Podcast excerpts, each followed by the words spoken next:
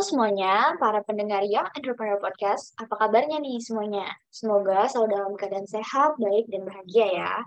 Nah, aku mau mengucapkan selamat datang buat kalian kembali lagi bersama kita di Young Entrepreneur Podcast episode yang kedua. Perkenalkan, nama aku Elike. Dan aku, Tiara Fauziah, kita berdua akan memandu acara podcast dengan tema Set Up Your Mind to be Entrepreneur.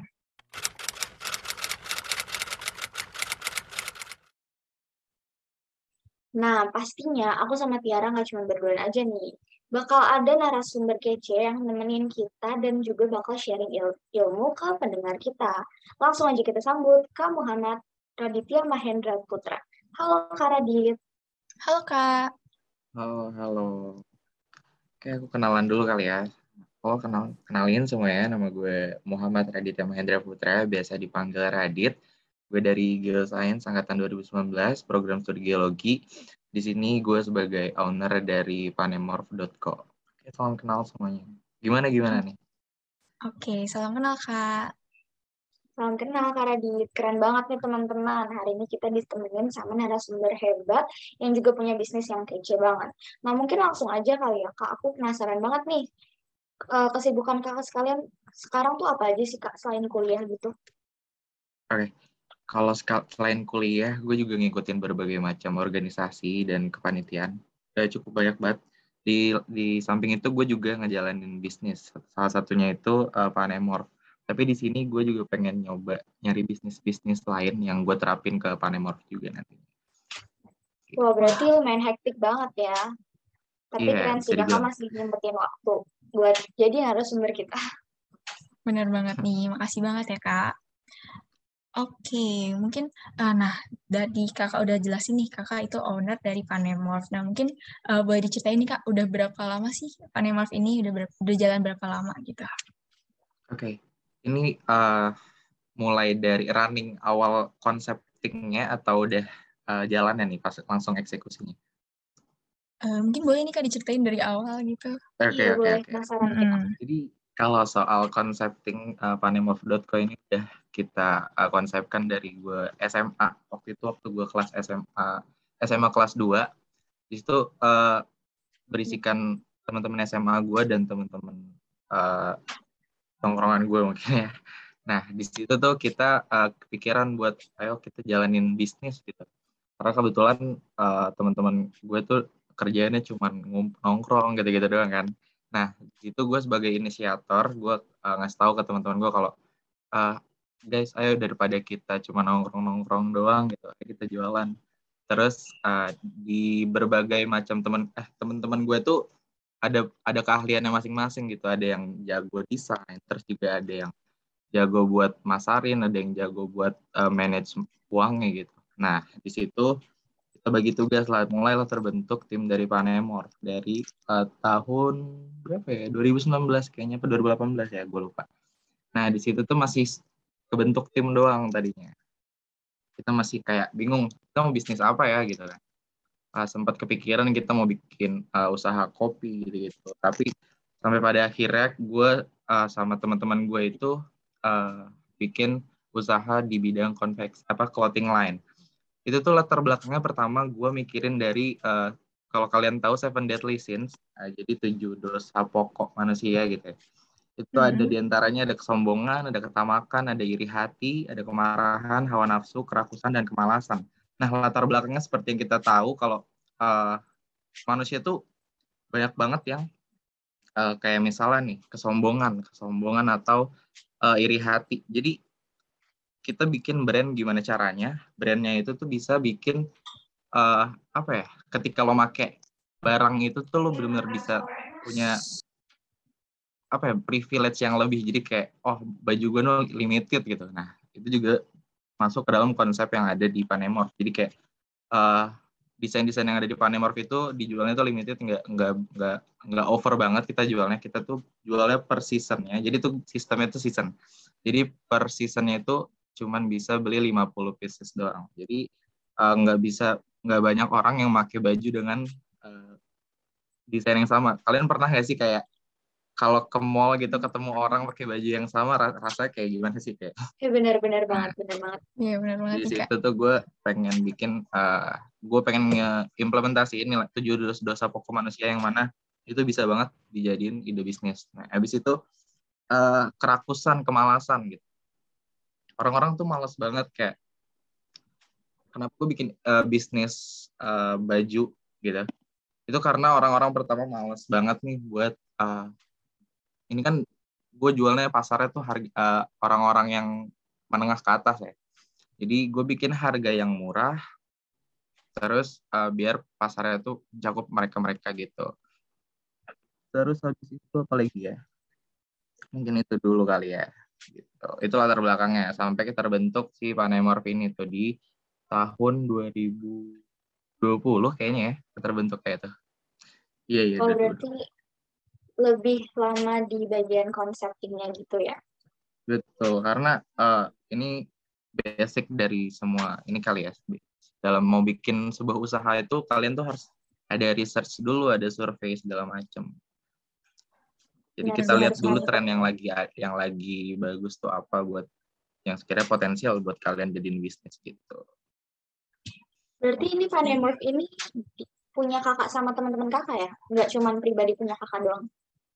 bisa dibilang gitu cuman uh, investor awal itu emang gua buat aja buat uh, Panemorph ini dan juga konseptor dan inisiatornya tuh gue jadi teman-teman gue tuh percayaan gue tuh sebagai uh, ininya founder ya jadi tapi gue tetap oh, gitu. gue tetap apa namanya kita kerja sama gitu kita kayak bareng jadi gue bilang Panemorph ini punya punya kita semua gitu Oh, oke oke.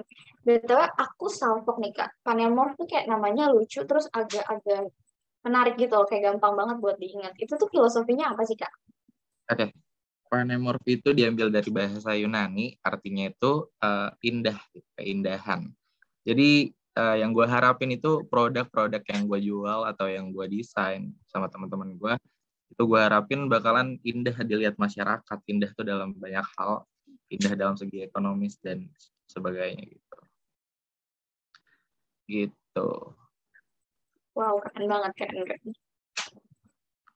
Wah, oke. Okay. Jadi intinya Panemorph ini tuh benar-benar kayak apa ya? Dari aku lihat sih konsepnya itu matang banget nih. Benar-benar ngelihat dari segala aspek, dari segi dari uh, konsumen itu sendiri nanti gimana. Juga namanya ini emang punya makna yang bagus banget gitu ya. Nah, ya, aku juga mau bertanya nih uh, dari yang aku lihat-lihat di IG Panemorph nih kan kak, setiap baju nih punya desain yang sama tapi warna dan tulisannya beda gitu. Mungkin uh, bisa dijelasin nggak sih kak arti dari desain-desain yang ada di baju-baju yang ada di Panemorph gitu? Oke. Okay.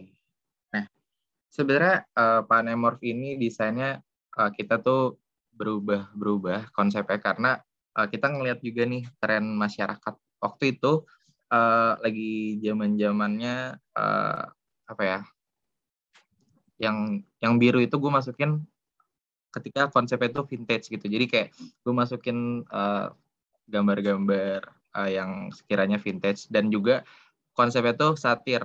Nah, jadi kayak kita tuh apa ya namanya tuh uh, pokoknya kita hmm, membandingkan masa yang sekarang dengan masa yang ada zaman dulu gitu masa oh, yang kita iya. rasa yang dirasain zaman dulu tuh lebih enak daripada zaman sekarang gitu. gitu. Oh keren keren. Kalau untuk ya kalau untuk warnanya, gue ngambil warna yang pertama yang warna hitam karena kenapa itu kan first drop ya. Jadi kayak gue pikir ini warna yang bakalan uh, bisa dipakai semua orang gitu hitam gitu. Nah kalau yang Benar warna sih. biru itu gue coba udah ke arah vintage vintage itu karena itu warnanya baby blue gitu gue coba berani karena uh, mungkin vintage itu sekarang lagi banyak yang suka jadi gue coba aja pakai warna-warna yang yang vintage juga. Oke baik, jadi pemilihan warna itu disambungkan dengan apa ya tren yang sedang ada di pada masa itu gitu lah kak. Oke nih menarik banget nih latar belakangnya. Nah kakak tuh punya role model gitu nggak sih atau mungkin ada orang-orang yang motivasi kakak atau men-trigger kakak sampai sampai akhirnya itu kakak membuat usaha ini gitu role model. Mungkin dari yang desain-desain kakak nih mungkin kakak kayak terinspirasi dari siapa tokoh siapa mungkin bisa diceritain ke kita. Kalau dalam segi desain sih kita benar uh, nggak ada role model dan sebenarnya kita tuh benar nggak punya role model sama sekali gitu. Karena dalam segi concepting kita benar bareng bersama gitu. Kita benar brainstorm bareng-bareng satu tim jadi kayak kita enaknya kayak gimana nih bikin konsepnya kayak gimana nih. Jadi kalau untuk dalam segi role model dan dalam segi desain itu gue uh, kembali dalam keputusan bersama dalam tim Panemor gitu. Gue role model. Tapi keren sih kayak gitu Soalnya aku tuh pernah juga waktu awal pandemi, aku pengen bikin usaha gitu kak. Cuman kayak ada rasa takut gitu loh, kayak aku takut gagal, aku takut rugi gitu kan. Takut nyape-nyapein diri aku sendiri. Jadinya aku nggak mulai-mulai, terus ya udah nggak jadi aja gitu. Kakak pernah nggak sih kepikiran kayak gitu sama teman-teman kakak? Oke. Okay.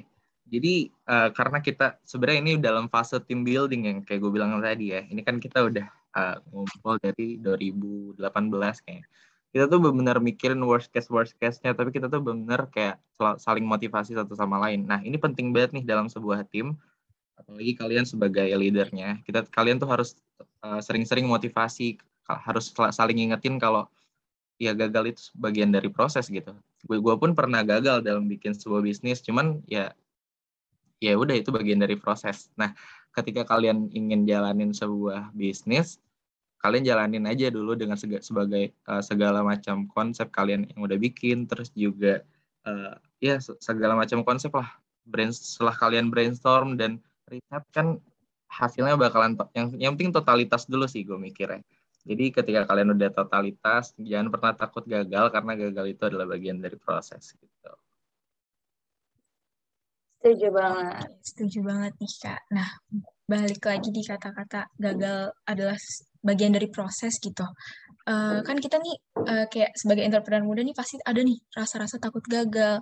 Terus gimana sih kak tips kakak kayak menetapkan tuh mindset biar tetap berani terus gitu loh dalam mengambil uh, langkah-langkah yang penuh resiko ini gitu loh kak. Oke, okay. nah uh, baik lagi gagal itu nggak bisa kita tebak kapan kita bisa kapan kita bakalan gagal karena kalau kita lihat kayak portofolio saham aja grafiknya bakalan naik dan bakalan turun ada fasenya kalian di mana naik dan di mana fase turun gitu.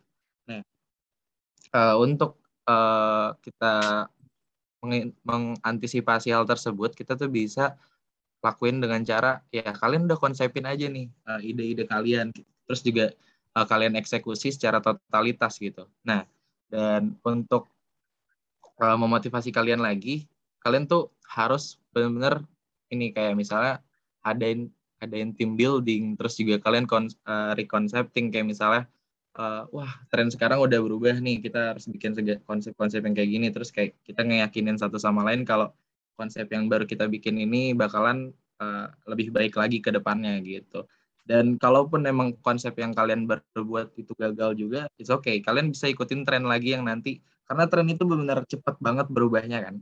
Uh, nah dari situ kalian bisa perhatiin tren yang ada. Jadi kayak, oh, oke okay, mungkin di dalam dalam tren ini kita uh, fail, mungkin di tren selanjutnya kita bisa uh, bisa lebih baik lagi kayak gitu. Saling yakinin sih sebenarnya, mental sebenarnya.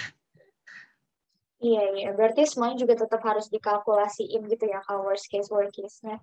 Dan yang paling penting semuanya harus berasal dari diri kita sendiri, ya nggak? Yes, benar banget nih. Nah, kayaknya ini banyak para pendengar yang entrepreneur podcast juga yang banyak penasaran nih Kak tentang struggle apa sih yang Kakak uh, alami gitu yang pernah kakak lalui waktu ngejalanin bisnis kakak ini, bisnis Panemorph ini nih kak. Ada nggak sih cara kakak sendiri untuk, uh, terus juga ada nggak cara kakak untuk memasarkan bisnis kakak ini gitu? Mungkin boleh nih kak diceritain dari struggle, terus gimana cara kakak overcome, terus juga gimana cara kakak memasarkan bisnis kakak gitu. Oke, okay. oke okay, oke okay. bagus bagus pertanyaannya. Jadi uh, ada dua masalahnya sebenarnya dalam panemorph ini ada internal dan eksternalnya. Dalam segi internal internalnya sendiri seperti yang uh, gue bilang tadi, uh, kalau panemorph ini isinya tuh benar teman gue dan pure teman tongkrongan dan teman SMA gitu. Uh, kadang kita juga susah gitu punya teman terus kita jadiin teman bisnis gitu. Kadang kita uh, bisa apa ya susah ngebedainnya gitu. Kapan kita mau sisihin kita sebagai rekan bisnis, kapan kita mau sisihin diri sebagai rekan di uh, tempat nongkrong kita gitu. Nah di situ tuh kadang ego ego dari salah satu tim atau beberapa orang itu ada yang uh, masih kebawa ya kurang profesional lah gitu. Jadi masih masih ke bawah uh, circle dari pertemanan di tongkrongan gitu. Nah itu tuh yang jadi masalah utama sebenarnya. Jadi kayak uh, sama temen misalnya ah, antar aja lah. Kayak misalnya kita tuh udah punya tuntutan masing-masing kayak deadline untuk desain uh, dikumpulin hari ini terus kita bakalan meeting hari ini. Terus nah teman-teman gue tuh bukan teman cuman beberapa orang sih. Kayak ada teman-teman gue yang uh, masih ke bawah egonya gitu. Jadi kayak ah, antar aja lah sama dia ini gak bakalan marah sama gue lagi itu kayak gitu.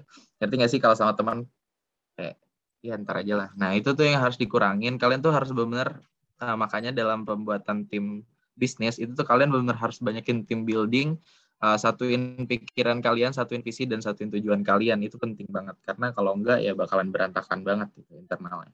Gitu kalau itu kalau dalam segi internal kalian harus yakinin dan saling memotivasi ke depannya. Terus dalam segi eksternal itu benar dalam segi pemasaran. Terutama uh, bisnis gue running dari tahun 2020 ya. Nah gak lama covid tuh. Ya kan? Baru banget tuh COVID. Makanya uh, Panemorph ini cukup ter apa ya terhambat mungkin dalam segi produksinya. Ya, karena yang gue lihat sekarang siapa sih yang mau uh, siapa sih yang mentingin fashion gitu? Lagi lagi pandemi itu kita ppkm gitu. Di rumah nggak usah pakai baju bagus-bagus. Nah di situ gue merasa wah kayak kita salah nih. Salah untuk produksi sekarang gitu. Kebetulan waktu itu gue lagi uh, launching drop yang kedua gitu. Jadi uh, gue cuma jual sebagiannya doang. Masih ada sisa sebagiannya lagi dan itu masih belum gue pasarin lagi sampai sekarang. Karena jujur pemasaran dari dalam dalam waktu covid ini benar susah banget gitu. Kayak latar belakangnya tadi nggak ada yang peduli gitu sama fashion sekarang. Nah terus juga uh, market uh, buat masarinnya itu kemarin gue rada sulit juga karena apa ya pertama ya ini kita bisnis benar baru banget benar baru banget. Nah gue tuh uh, masarinnya lewat cuman lewat kayak paid promote gitu-gitu. Terus abis itu uh, apa ya lewat gue pernah pakai advertise kalau nggak salah. Dan beberapa jadi kita tuh nge-share ke dalam beberapa grup-grup gitu grup. Uh, kebetulan juga Panemorph ini di, uh, isinya anak bukan anak-anak UI doang gitu. Jadi teman-teman gue tuh dari kampus yang berbeda-beda dari ada yang dari Jogja ada yang dari Bandung ada yang dari ada yang dari Jakarta juga kita gitu. jadi uh, strategi kita tuh kebetulan kita uh, sebarin ke masing-masing kampus dan masing-masing jurusan gitu dan kenalin kalau kita punya produk lo namanya Panemo kayak gitu. Wah. Oke. Okay. Keren banget ya kakak. Susah juga ya jadi pengusaha muda. Nah, buat para pendengar yang entrepreneur podcast juga yang lagi dengerin, kalau misalkan mungkin kalian juga lagi merasakan lika-liku dunia perbisnisan, semoga badai cepat berlalu ya, jangan sampai badainya berlalu lalang. Nah, kan dari tadi kakak udah ngasih tahu kita tips and trick kalau misalnya kita membentuk bisnis tuh dalam sebuah tim gitu kan. Kalau misalkan untuk individu gitu, mungkin ada teman-teman yang mau jalan bis, jalanin bisnisnya sendiri, kira-kira kakak punya nggak kayak jenis mindset apa gitu karena kan gak mungkin ada yang bisa nyemangatin dia mungkin kalau di tim kan tadi kakak bilang bisa saling support gitu kan okay. kalau misalkan sendiri gimana kak menurut kakak? Oke okay, oke okay. kalau untuk uh, bisnis individu tuh pertama uh, hal yang harus kalian uh, pikirin itu adalah passion gitu pertama kan nggak mungkin dong kalian bisnis tanpa passion gitu cuman ngelihat tren doang wah lagi banyak nih yang jualan kopi. Wah banyak nih yang jualan baju gitu. Tapi kalau kalian gak passionate jangan menurut gue jadi menurut gue yang pertama lo harus ya research. Lagi-lagi research. Kalian penting banget research. Dengan kalian ngadain riset kalian ada ketertarikan nih buat pelajarin tentang apa yang mau kalian jual. Kayak contohnya sekarang gue gue gue sendiri lagi belajar belajar tentang uh, perkulitan. Jadi gue pengen bikin semacam letter uh, crafted gitu kayak semacam dompet segala macam. Tapi gue nggak bisa tiba-tiba gue jualan dompet dan gue nggak punya uh, skill di apa namanya skill untuk memasarkannya gitu. Gimana cara buatnya gimana cara cara ngetahuin kulit kulitnya juga gue nggak tahu. Nah dari mana itu gue harus pelajarin dulu gue harus riset dulu gue harus survei dulu. Kayak uh, kira-kira kalaupun gue bikin produk kulit gue bikin produk apa aja ya yang kira-kira bakalan laku gitu. Nah, dari situ itu intinya riset guys gitu. Wah, keren banget nih teman-teman bisa diterapin ya semua tipsnya dari Kak Radit. Ya, yes, benar banget nih, keren banget nih cara dan tips-tipsnya juga. Serta juga tadi Kak Radit juga udah nge-share nih cara overcome uh, masalah-masalah yang pernah dihadapin selama berbisnis gitu. Oke, nah uh, mungkin sayang sekali nih kita udah berada di penghujung acara dan kita harus mengucapkan sampai jumpa lagi karena bincang seru yang Entrepreneur Podcast episode 4 ini telah berakhir. Kita juga mau mengucapkan terima kasih banyak ke Kak Radit atas kesempatannya dan juga insight-insight baru yang telah kakak sampaikan kepada calon entrepreneur muda. Sama-sama. Jadi udah selesai ini kita podcast hari ini. Iya nih, kita udah mau bubar. Terima kasih banyak Kak Radit. Jangan sedih teman-teman karena yang Entrepreneur Podcast bakal ada lagi dengan narasumber-narasumber lain yang gak kalah kerennya. Kami pamit undur diri. Nama aku Yunike. Dan saya Tiara, pamit undur diri. Terima kasih semuanya. Nantikan yang Entrepreneur Podcast episode selanjutnya. Dadah. Bye-bye.